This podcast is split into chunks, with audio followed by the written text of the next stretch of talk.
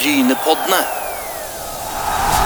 Brynepoddene har alltid sagt, eller alltid Asker, vi har iallfall sagt i, i ei stund nå at vi skal ut på hjul og, og dyrke og få fram litt om frivilligheten rundt forbi. Og da har vi fått e- en gjest som kan hjelpe oss eh, litt på vei og få litt info. Ja, vi får endelig håpe det. Vi har hooka tak i Johan Åkre i Egersund, som er kjent for ganske mange ting. Men siden vi stort sett driver med idrett, så må vi spørre Johan. Idrett det er ikke noe greie for deg? Nei, eh, fotball og religion det er utenfor mitt eh, område fullstendig. Og jeg holder ikke med noen spesielle heller, så det er jo greit. Men når du tenker på eh, deg, du er jo en kjent person i Egersund og for så vidt rundt forbi Rogaland òg. Men, men kan du beskrive deg sjøl litt grann til å begynne med her, hvem vi snakker med nå? Ja, jeg har vel i mange år fått lov å være en frittgående påfinner. Eh, både når jeg jobba i Dalane Tiden i, i 18 år, så, så fikk jeg lov av journalister, trykkere og redaktør Gunnar Kvassheim å gå på tvers og operere på tvers. Og, og det, det jeg syns er interessant og, og kjekkest. Men da snakker vi jo om eh, det som en på fint kaller i dag for å tenke litt utenfor boksen, er det ikke det? Ja, og så har jeg vært såpass utenfor boksen at nå passer jeg ikke inn i noen bokser lenger. Altså, nå er jeg som vært sånn frittgående påfinner, for å si det sånn. Eh, Men det er klart du snakker deg jo litt ned, for du har jo vært en bauta i kulturmiljøet i, i byen her i mange, mange, mange mange år. Og nå er du Jeg skal ikke si du er gammel mann, men voksen mann, iallfall. Det er lov å si det. Men, fortell litt om, om, om den, dette engasjementet. Du sa religion og idrett det holdt du ikke så mye på med. Men den lille Johan, hva var det han brukte tida til?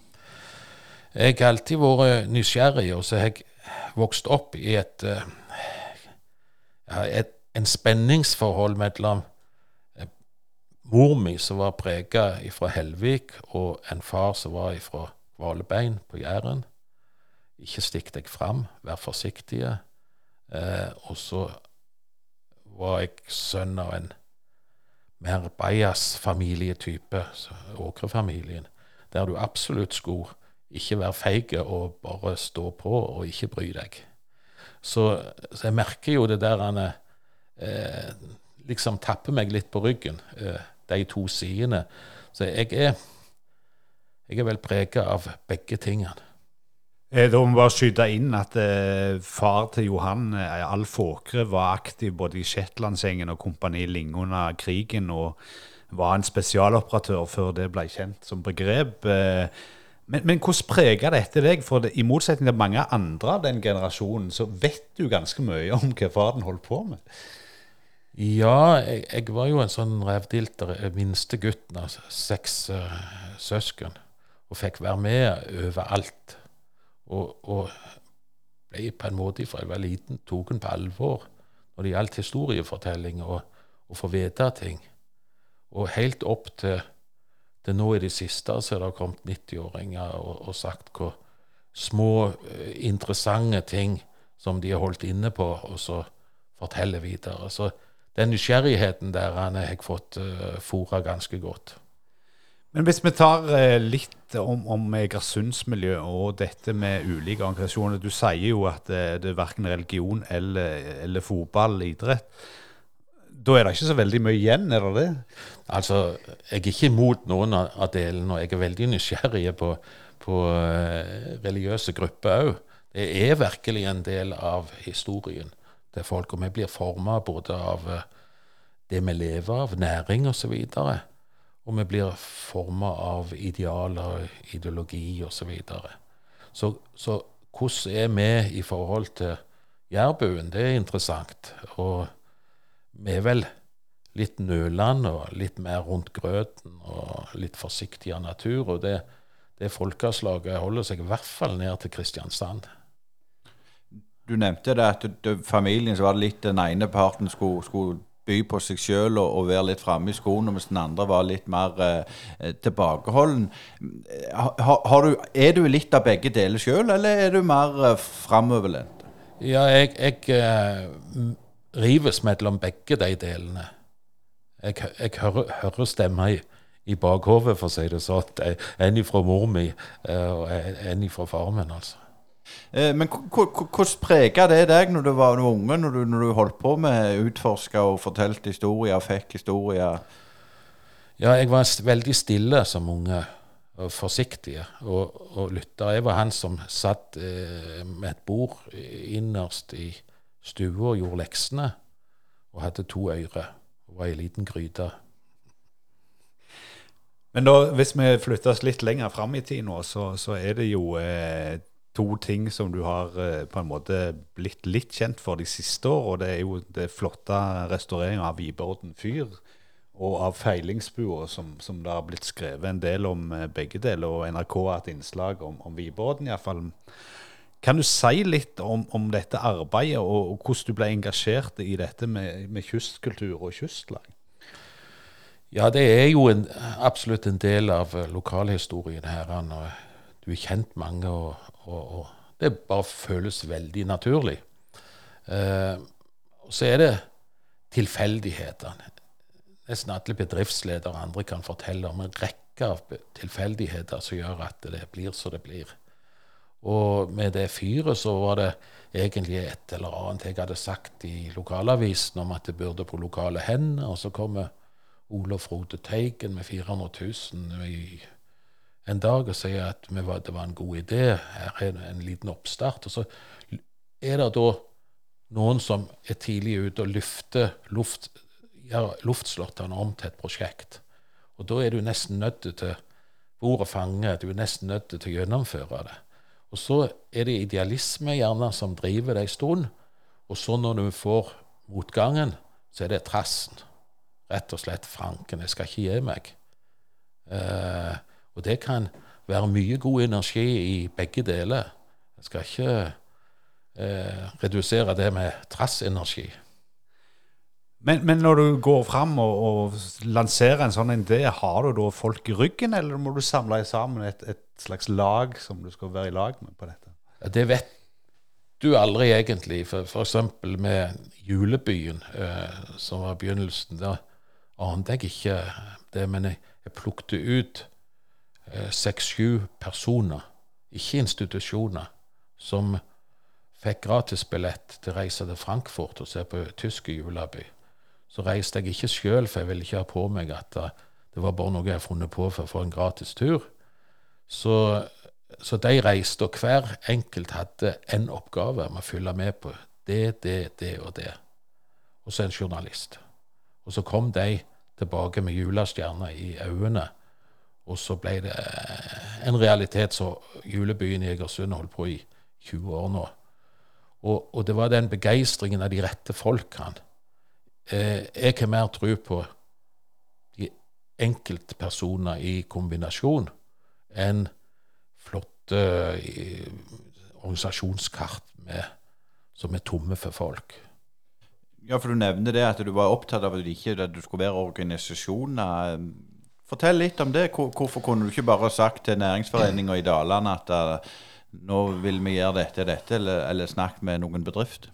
Du hadde gjerne fått en god prosess, men det er ikke sikkert det hadde blitt noen resultater ut av det. For hvis du går til en forening og sier er det to som vil reise til, til Frankfurt på, på, en tur for å se på julebyen, så hadde de gjerne sagt det. Og så kom tilbake igjen, og ja, der var det fint. Og så ikke noe mer. Men disse, så, alle de som reiste til Frankfurt, de var med som gratis eh, dugnadsarbeidere helt fram til dagens dato. Så, så det var de rette folkene. Og, og disse personene vi, vi, skal jo finne ut det på denne turen vi skal på, hvordan frivilligheten er. Men, men de personene du nevnte der, var de involvert i andre ting i byen?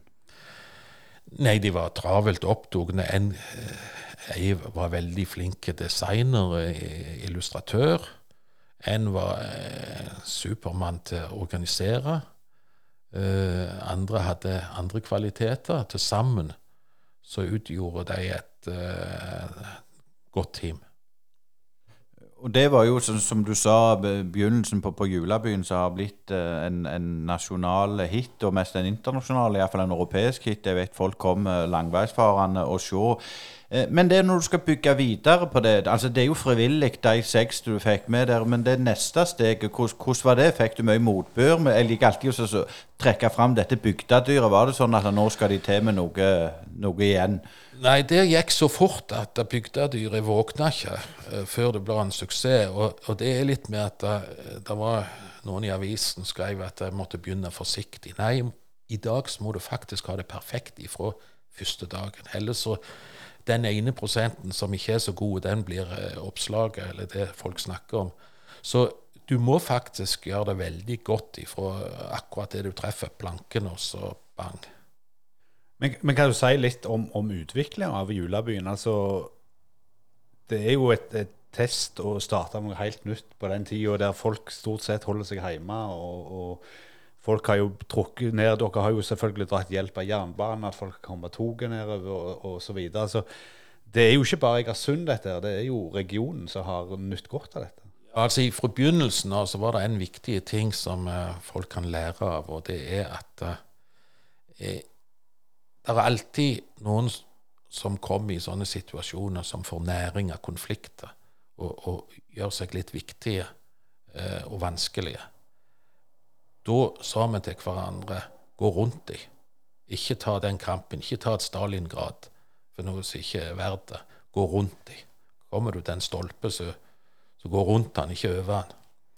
Og så, sånne type ting må du gjøre for at du ikke skal spore av, og, og, men, men komme i mål. Og det blir så mye kjekkere. Men nå har jo du testa ut eh, sånne frivillighetskonsept eh, i Egersund, som er en, en småby i, i Norge. Gamle, stolte tradisjoner. Et, en by med, med stort særpreg. Eh, er det like enkelt å gjøre sånne ting på, på litt større plasser, tror du? Nei, altså dette med dugnadsånd eh, har nok absolutt noe med størrelse å gjøre. Men vi er, tror jeg, helt på grensen. Eh, vi sliter, eller julebyen i dag sliter mer med at folk skal ha betalt for alt. Og det er faren. I de 20 årene som vi holder på nå, så har en holdt prinsippet med at det er ubetalt. For å blande Hvis det sitter seks betalte offentlige koordinatorer og, og sånt, som har enten avspasering eller betalt, og så skal det sitte fullt av frivillige som er ubetalt, så ligger det kimen til eksplosjon der. Anne. Så du, du må velge enten-eller. Eh, Nå er vi jo inne på julebyen, som da er næring. eh, Men hvis du ser du, du Asker nevnte kystlauget her. og eh, Idretten og, og, og det frivillige religiøse. Det er jo mange kirkesamfunn i Egersund. Eh, Vet du hvordan hvordan det er der med frivilligheten? Er det, er det lettere for folk i dag enn for når du var unge, tror du? Nei, det kan jeg ikke tenke meg at det, det er lettere eh, på noen måte. Og etter hvert som vi har fått alt mulig tidsbesparende utstyr, så har tida forsvunnet, fordunsta. Hvor ble jo av all den tida vi sparte? Men eh, det er jo de som holder oppe dugnad og frivillighet i, her, er jo svært ofte inn, innflyttere. I hvert fall i, i Kystforeningen er det sånn at vi har folk fra hele landet som er med på dugnad, i større grad enn en, en bare lokale. Hvorfor tror du det sånn? Det er en måte å bli kjent med andre på. Um, ja, jeg tror først og fremst det. Men, men er det tilfeldig eh, at eh, det har blitt sånn at det er færre som tar tak og er med på dugnad? Og ser du noen generasjonskløft der? Ja, altså dagens yngre folk, som sånn 30-40-åringer, de er jo i en helt annen situasjon enn det jeg var. Eh, jeg kunne bruke tida mi til alt mulig, mens eh, kona var hjemme og stelte med alt det. Nå er det en helt annen eh, vals, altså. Men tror du det det sier familien? Nå er det jo større skilsmisse, flere lever alene bl.a. Eh, dette statusjaget med å være fine på Instagram og Facebook og Twitter med bilder og, alt dette her, har det òg gjort noe med frivilligheten, tror du? At folk rett og slett ikke tør å gjøre en innsats fordi de er redde for å få jeg skulle til å si represalier? Ja, men de med så mye rotte der er på Facebook, så kan noen hver bli, bli redde. Eh, og eh, jeg tror det er farlig, sånn som det er med veldig mye surmaga folk. Altså det er, det er en del folk som ikke har noe å gjøre, og så har de et tastatur, så har de mye tid, og så sitter de der og pumper ut. Så eh, det er på tide at det blir gjort noen mottiltak mot sånne folk. F.eks. ringe til dem, eller oppsøke dem. Eller. Men, hva syns du som tidligere avismann at da avisene Det ser jo ut som de elsker disse nettrollene, for det er jo det som står og setter agendaen mange plasser. Ja, sånt eh, Altså en, et problem eller en konflikt, et eller annet som kan gå galt, er mye mer interessant enn, enn noe som kan gå godt. Sånn, uh, med julebyen så var det alltid ei uke før julebyen så var det et eller annet uh, skummelt som kunne skje. For eksempel uh, var det et år to skjærer som fulgte med treet og hogde inn på, på, på torvet. så fant vi ut at for å få litt blest om dette, så må vi ha et problem. Eller så ikke media i Stavanger er interessert. Så eh, problemstillingen med at det, det var uro i pyntekomiteen på treet Det var ei mente at de norske flaggene skulle henge rett ned, mens hun andre mente de skulle gå rundt. Eh, og, og, de, og denne problemstillingen fylte jo NRK Rogaland en hel dag med innringningsprogrammer og hele greia. En kjempesuksess. Men det viser at du må liksom ha en stein i skoen for å få oppmerksomhet. Men er det tilbake til, til dette her eh, samfunnet som er tilsynelatende litt mer eh, konfliktarta? Så du sier det er mange som sitter foran tastaturet og bruker tid. Men i denne tida vi lever i i dag, har vi glemt, for å bruke en fotballtermologi, eh, mangler vi litt midtbanespillere? Ja, altså, jeg har en kort karriere som back, og da knuste jeg eh, brillene. Etter det så har jeg ikke vært Jeg vet ikke hva de gjør på midtbanen. Jeg, og, de får antagelig ting fram. Det er jo de som holder, holder laget samla sammen, på en måte. Og i mellomleddet mellom de bak og de framme. Altså, jeg tenker det er litt mer sånn at uh, vi mangler kanskje Vi er liksom på hver vår ende og skriker, og så mangler vi litt de som står i midten. Du er jo en uh, kjent venstrepolitiker, og det har vært kjent som en slags noen som står i midten. Eller på bånden, kanskje. men, men uh, det, det, er så personavhengig. Altså om du heter varamann, eller om du er nestformann osv.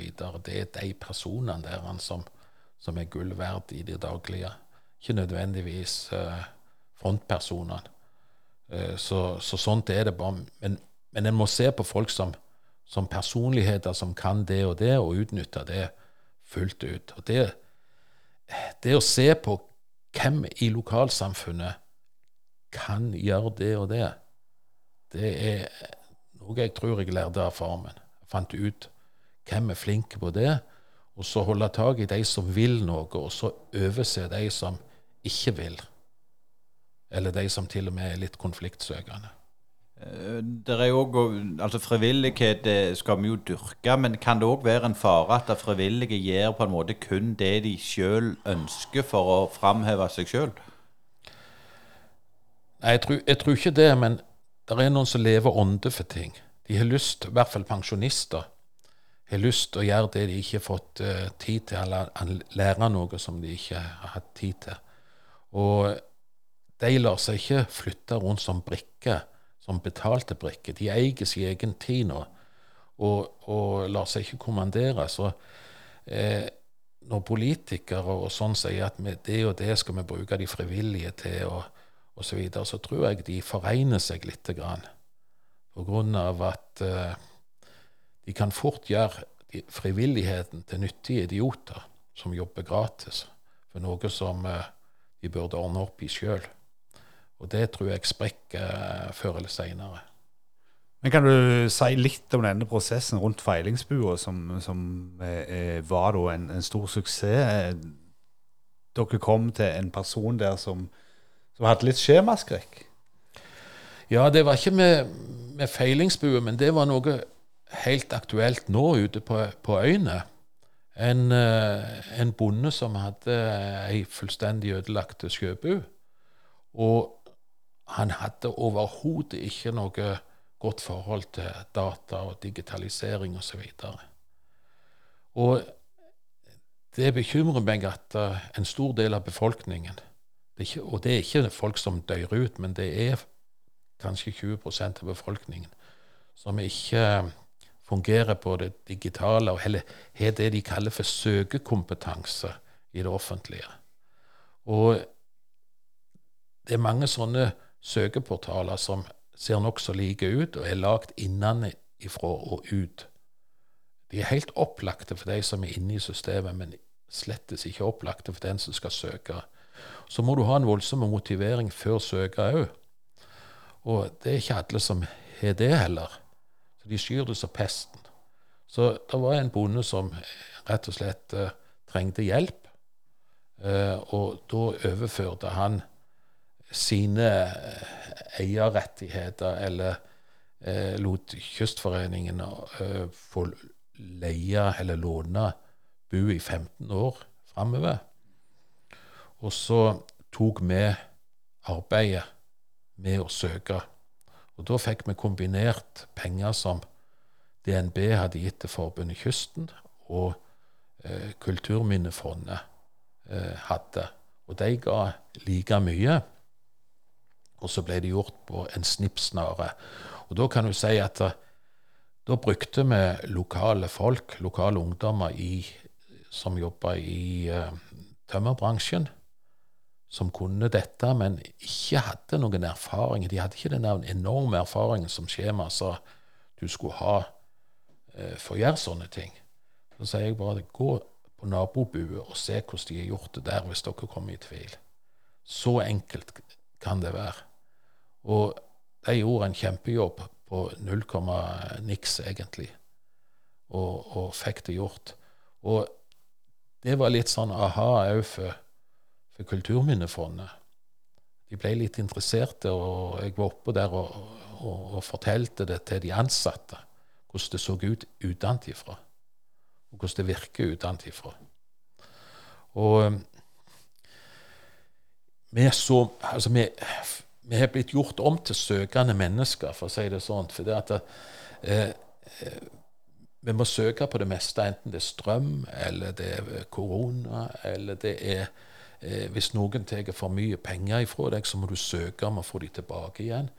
Eh, det er mer og mer eh, sånne situasjoner der du skal holde deg inne med offentlig ansatte. Og Det gjør at folket blir veldig forsiktige med hva de sier og hva de uttaler seg om. for de kan, eh, ja, Det blir mye smisking. Og det må folk på innsida av skranken være klar over. At eh, de får etter hvert en feil forestilling om hvordan forholdene egentlig er. Så jeg, jeg var borti et bilde den situasjonen på postkontoret i Egersund før de la ned. Der gikk det liksom fra tre til to til én mot høyre. Det var jo helt feil etter mitt hode. Så spurte jeg hun bak skranken om hvorfor det var sånt. Ja, det blir helt, helt riktig fra vår side. Og da sto hun på innsida og så én, to, tre. Og det er litt sånn sånn som disse herrene systemene lages. Og i tillegg til søkekompetanse digitalt, så skal du òg ha klagekompetanse digitalt. Ellers er du ferdig. Så disse her folkene som faller utenfor det spillet der, de har i utgangspunktet tapt. Eller så må de ha mellommennene så tar 20% av det som egentlig skulle ha blitt et idrettshall, eller det skulle blitt et kulturminne osv. For de har knikt koden. Og sånt burde det ikke være. Eh, nå gjelder jo det skjemaveldet og på en måte litt frivillighet, men, men, er det ikke litt sånn eh, Vi er jo på en kystby her før. De som holdt på å si sleit med å lese og skrive og regne, seilte til skyss og, og fikk, fikk, en ut, eller fikk den livets harde skole, som vi sier, og tjente til livets opphold og ble gode borgere. Er, ser vi det samme i arbeidslivet, syns du? Ja. Det er en, en helt en, en, type mennesker, eh, en type gutter kanskje, som eh, blir helt silt ut. Og jeg er jo reflektert for dette. Jeg begynte i sin tid å studere offentlig administrasjon, organisasjonskunnskap, i, i Bergen. Og det var ikke fordi jeg skulle bli en drivende god, god byråkrat. Jeg skulle lære det som fanden leser Bibelen. For det at jeg hadde truffet sjøfolk som hadde grævlig gode intelligens og tanker, men de kunne ikke formulere seg. Eh, så jeg ville vite litt mer om byråkrati. Og det er kanskje det som, som fortsetter nå, som jeg, den troen jeg tar opp igjen. Jeg skrev òg en del eh, søknader for folk som måtte få krigspensjon. Det er i 15-årsalderen. Og Det er jo litt av det samme, for da var det å skrive på maskin, det å skrive i det hele tatt, var vanskelig. Og i hvert fall på maskin. Sånn at nå er det enda vanskeligere pga. at vi har fått så mye hjelpemidler. så, men problemstillingen er den samme. Det er en god del av befolkningen som ikke blir med. Så um, men er det noe tror du vi kan gjøre, gjøre med det? Tenker på frivilligheten, så sa jeg jo det er jo en del frivillige som du sier, som vil gjøre si greie. Men så er det jo veldig mange i andre enden som sier nei, men jeg kan ikke brukes til noe. Ja, altså De må gjerne brukes til noe de aldri har vært brukt til før. Eh, nye ting. Spennende ting. Og i, i England og i, i, Australia så har de noe som heter Men's Shed. Um, det er for å ta disse som ikke er på banen, mennene. Eldre mennene. I dag er det bare barn og unge, barn og unge, barn og unge. Det er ikke mye som snakker om, om, om, om eldre mennene, men det er de som tar livet av seg. Det er de som begår selvmord i, i ganske stor grad.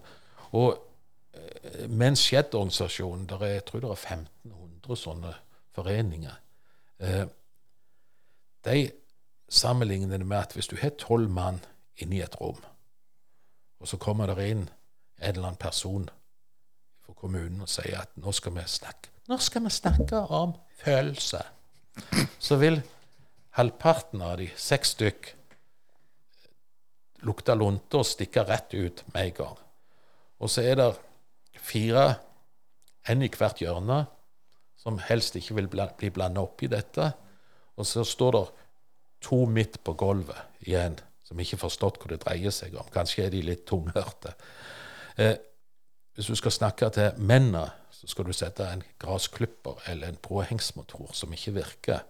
Så skal du ha en oppgave å løse. Eh, men tilbake til det forrige generasjoner som enten fikk vise hvem de var i, i krig, eller på sjøen, eller i oljen. De er blitt ganske mye til overs, mange av de guttene der. Og de må få full oppmerksomhet, men på en praktisk, intelligent måte. De Ungene mine sier det er greit nok for deg, pappa, som ble født før alt ble, ulov, ble ulovlig. Og Det er litt, litt, i det. Du får ikke ta tak i ting. Nei, Asker, det kan, kan, være at ungdommen er blitt for, for snille. Ja, det har vi jo hørt eh, litt såge om eh, tidligere med denne garderobekulturen, hvor en ikke skal være hard lenger. En skal helst kause dem på, på, ryggen og sånn. Eh. Men, men, du snakker dette om, om mann, mann og, og, menn som har behov for, for, å gjøre noe. Altså, Vi står jo på, på trappene til ei stor eldrebølge som har vært varsla i ganske lenge. Men sånn konkret, når dere skal ut og, og gjøre noe, f.eks. Eh, dere jobbet på, på Viberodden. Altså, du sier dette at folk må få gjøre det de vil, og når de passer de, de være herre over sin egen tid, og ikke være styrte som, som de var et vanlig ansett arbeidslag. Hvordan gjør dere det konkret i, i deres eh, grupper? Ja, De som fungerer best, det er en dugnadsgjeng i, i feilingsbua. Han som den høyst ubetalte daglige leder, han er veldig flink til å legge opp arbeidsoppgavene hele tida. De er forskjellige ting. Så, så, det er alle med på. Uh, og gjør praktiske ting. Men det er gjerne fiskeskipper som driver med å få gjort noe eh, med trearbeid, og lære noe av det. det folk har ikke lyst til å gjøre det samme som de gjorde i jobben. For det er helst noe annet. Så organisering må, må, må til. Men, um, men de vil ikke bli flytta som eh, brikker ovenfra og ned på lang avstand. Nei, Det var interessant det du nevnte der med det der at de vil ikke bli brukt hvis, hvis vi kan dra det litt lenger, at de vil ikke bli brukt i et politisk spill? Ja, heller som nyttige idioter. Altså at de, de eh, Bare legg merke til alle som skal bruke frivilligheten. Det har kommet en frivillighetsmelding nå som har forstått uh, hvordan det virker, som er veldig interessant å, å kikke nærmere på. Og det er det at en fort kan foregne seg hvis en bruker opp uh, de frivillige som om de sier ja til hva som helst. Uh, men hvis vi går litt ned, hva er grunnen frivillighet for deg, Johan? Nei, det er Jeg er veldig opptatt av at det skal være gøy. At det skal være kjekt. å treffe mennesker og ha med gode folk å gjøre. Og en, eh, en dugnadsgeneral som sa det at eh, gode folk kan òg rotte seg sammen. Og det er litt sånn når du skal få til et prosjekt, så må du se hvem er de gode folkene eh, som er villige til å gjøre noe. Og så må du få håpe å gå til de som kan si ja først, som ikke står og venter på at de andre skal si ja.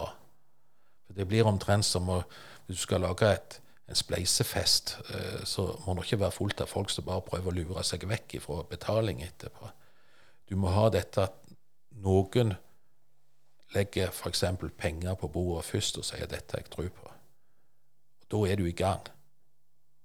Hvis alle står og venter på at noen andre skal gjøre det, så kommer du sjelden i gang. Jeg, har, jeg kan innrømme jeg har mange prosjekter gode, men refuserte prosjekter som jeg har liggende med skisser og ditt og datt. Og jeg er til og med kona har, har sagt dette må du lage i boka. Uh, og en som ringte meg, han ville betale boka hvis jeg bare hadde tid til å gjøre det. Og det skal jeg gjøre. Men da er det bare rett og slett en idékatalog som skal gis vekk til hvem som helst som kan bruke det. For det er kommet så mange til meg og sagt at du, Johan, jeg, jeg så det der og der i, i utlandet, sånn og sånn. Jeg, jeg, vet ikke hva, hva, det kan være godt for, men det er best at du vet om det, sånn at det, kanskje det kommer til nytte for noen en gang. Og dette at du har noe, og så eh, vil gi det videre så kanskje det kan bli noe nytte av det. Det er noe som er rotfesta, noe positivt i, i ånden her på, eh, på Sør-Vestlandet. At det skal være til nytte for noe, at det skal bli noe ut av det, ikke bare papirer. Eh, så, så, de tingene som jeg har fått som en svamp, de vil jeg gjerne dele videre til folk en helt annen plass som måtte plukke opp ditten eller datten. Litt tilbake til det med, med, med, sosiale medier, for der er det jo grupperinger, og, og vi, har, vi, er jo på Brynepodden er jo òg på de sosiale mediene en plattform, så du må jo være der. Men, men er, det, er det de som du på en måte eller dere er i disse lagene, er det mange ganger at de ikke er så aktive der på sosiale medier? At dere vil treffes over en kopp kaffe? Ja, det er jo klart at det er mange som ikke er på vel nesten asosiale medier. Eh, og, og, det kan fort uh, bli at folk blir leie, og så 'Dette trenger jeg ikke høre på', og så trekker de ut proppen, og så gjør noe annet. Eh, så folk kan ha privat lykke med hytte, og de kan ha privat uh, være rike og ha flotte hus, men selv selskapssjuke, det blir vi alle før eller seinere. Men eh, når vi er i gatelangs i Egersund og går rundt i, i, i trehusbebyggelsen og, og det som vi kan kalle grovt sett for gamle Egersund, så minner jo Egersund på mange måter om en slags sørlandsby. Mye mer enn en Stavanger gjør, eller Sandnes, eller noen av sånn. Men, men, du var inne på her i forhåndssamtalen litt om forskjeller på folk mellom her og, Mandal og, og Jærbuen. Altså, kan du si litt mer om det? Og hvordan preger det på en måte dugnadsånda?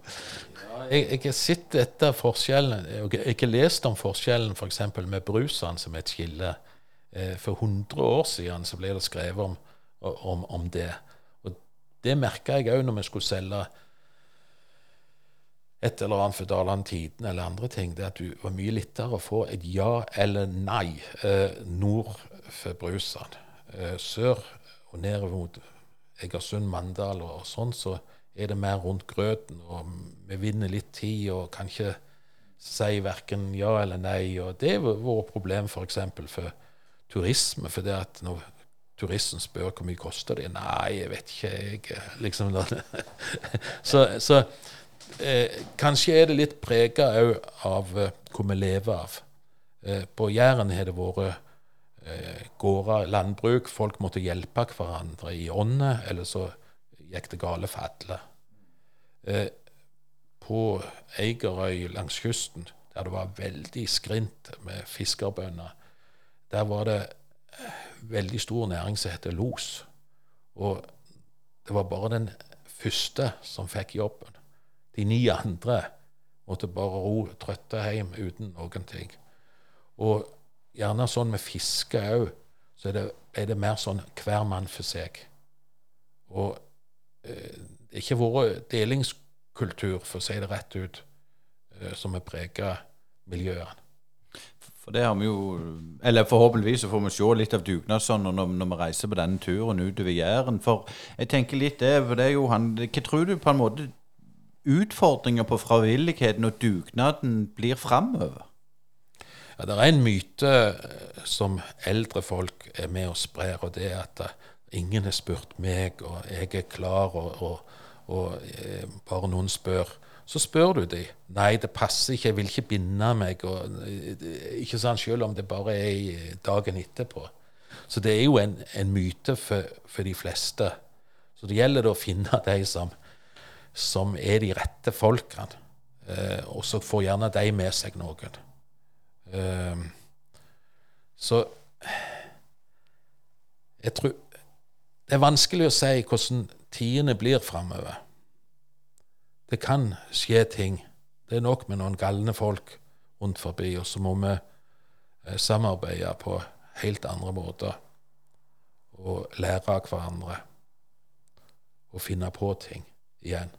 For det var en som drev med å få ungdom ut i yrkesliv og osv. Så, videre. så spurte han Han syntes ikke det fungerte. Han syntes det var for mye papir, og det tok for lang tid og ble veldig dyrt. Så jeg, jeg tror nesten ikke vi kan hjelpe, jeg kan hjelpe deg, for det er så mye penger i samfunnet at det er folk som lever av at det går litt tregt, og det er mye å gjøre med sånne ting. Jeg tror ikke de er klar for enklere måter å gjøre det for. For nød lærer naken kvinne å spinne. Og, og, eh, det er først når det står ei krise, det er først ei krise som får ting til å skje. Du må forstå at du har et problem før du er interessert i å løse problemet. Så dugnader kan fort komme eh, tilbake igjen. Men, men tenker du at eh, det er jo såpass mye penger i Norge nå, og det har vi jo sett under covid, der andre land liksom måtte tømme kassen. Og i Norge så er det jo bare oljefondet som står der i, i bakhånd. Og senest nå i det siste så har det jo kommet en strømpakke fra, som ble lagt fram. Men er det òg en hemsko at folk forventer at mor stat skal stille opp og gjøre ting for deg? At det, det blir liksom noen som staten må gjøre dette. og en mustelig, den der frivillige Absolutt. Så, sånn at det nesten er galt å gjøre det sjøl. For det, det, det, er jo samfunnet som skal ordne opp. Det er staten eller kommunen som skal gjøre det. Ikke du. Det, du tar liksom jobben ifra de som egentlig skal gjøre det. Så, eh, så det er jo absolutt aktuelt. Jeg skal bare kjøre denne her, så skal, har jeg et, et lite sånn godt spørsmål etterpå. Frivilligheten langs rv. 44 er i samarbeid med Rogaland fylkeskommune, Sparebanken Sør og Reimar Lode AS. Ja, Når vi kjører denne jinglen her, så er det jo for å, for å få fram frivillighet. Men vi ser Norges Fotballforbund eh, eh, har en kampanje der de skal hylle de frivillige, der på en måte det frivillige blir på en måte politikk. Eh, hvordan ser du på det? Altså, jeg, jeg syns det blir veldig svulstig mange ganger når de hyller de frivillige, for det er Jeg, jeg har ikke så mye å si til det. Jeg er bare putler med det jeg holder på med. Hva tenker du til, til slutt her, Johan, om eh, framtida dere, det som dere skal holde på med? Er det noen viktige prosjekt som mangler? Du sa du hadde en katalog liggende. altså Hva kunne du tenkt deg å holde på med de neste fem år? Altså, nå er jeg 67 år, og jeg må tenke sånn at eh, du hiver deg ikke på noen langsiktige greier. Nå gjør du ting som du kan gjøre fort og få i mål fort. For å holde dere til Brynepodden sitt eh, vokabular. Eh, så noen langsiktige, voldsomme greier, det, det, er det ikke noen grunn for. Men du ser gjerne at du kan hjelpe noen. Eh, jeg, overføring av det du er plukket opp, det kan du bringe videre. og det er Derfor er det litt kjekt at dere spurte meg nå om å være med på dette. Det at du kan kjøre offentlige prosjekter osv. Og, så og lære mye. Men det er ikke en kjeft som spør hva du lærte etterpå. Hvordan ville vi gjort det hvis vi skulle gjort det en gang til? Hvor kan vi trekke ut av dette? Og så få det over for uh, yngre folk som kan, kanskje kunne nytte det. Siste spørsmål fra, fra, fra, meg her. Eh, du nevnte dette med å hjelpe folk. Altså frivilligheten hjelper jo folk i aller høyeste grad. Du skaper et, et, et godt miljø, et godt samhold. Eh, da snakker vi helsegevinst òg. Ja, eh, og det er kjekt å gjøre folk en tjeneste og, og hjelpe folk. Og det, det, er liksom at det det, det som begeistringens flamme og det som driver verket, det er den som er viktig. Og at det er kjekt. Eh, du nevnte her eh, så vidt det var med dette med lærdom av prosjekt. og, Ofte så er det sånne sluttrapporter det havner i skuffa, og ingen ser på de som du er inne på. Er det noen milepæler du vil trekke fram der, som du har lært gjennom dette arbeidet med frivillighet? Ja, det må jeg nesten tenke meg om, for det at du Du tenker nesten bare på det du ikke fikk til og glemme det du fikk til. Eh, folk skulle stoppet opp av og til og så tenkt over Hvis jeg skulle ta og søke om ny jobb nå, hvor ville jeg skrevet da? Og så blir du veldig overgitt over alt det du kan, faktisk. Det du har vært borti. Det, du, du, det glemmer du. Du blir husblinde i det daglige på alt det du har fått til, og det du kan. Så det å minne seg sjøl på, på det, og ha en grunn for å minne seg på det, det kan være nyttig for veldig mange. Det får være en eh, veldig god avslutning til denne samtalen her, Johan. Det var en glede at du stilte opp i, i Brynepodden. Og vi i Brynepodden skal ta oss eh, ut på landeveien, og da skal vi ha dine ord i, i bakhånd der, Johan. Tusen takk for at du stilte opp. Hyggelig. Brynepoddene.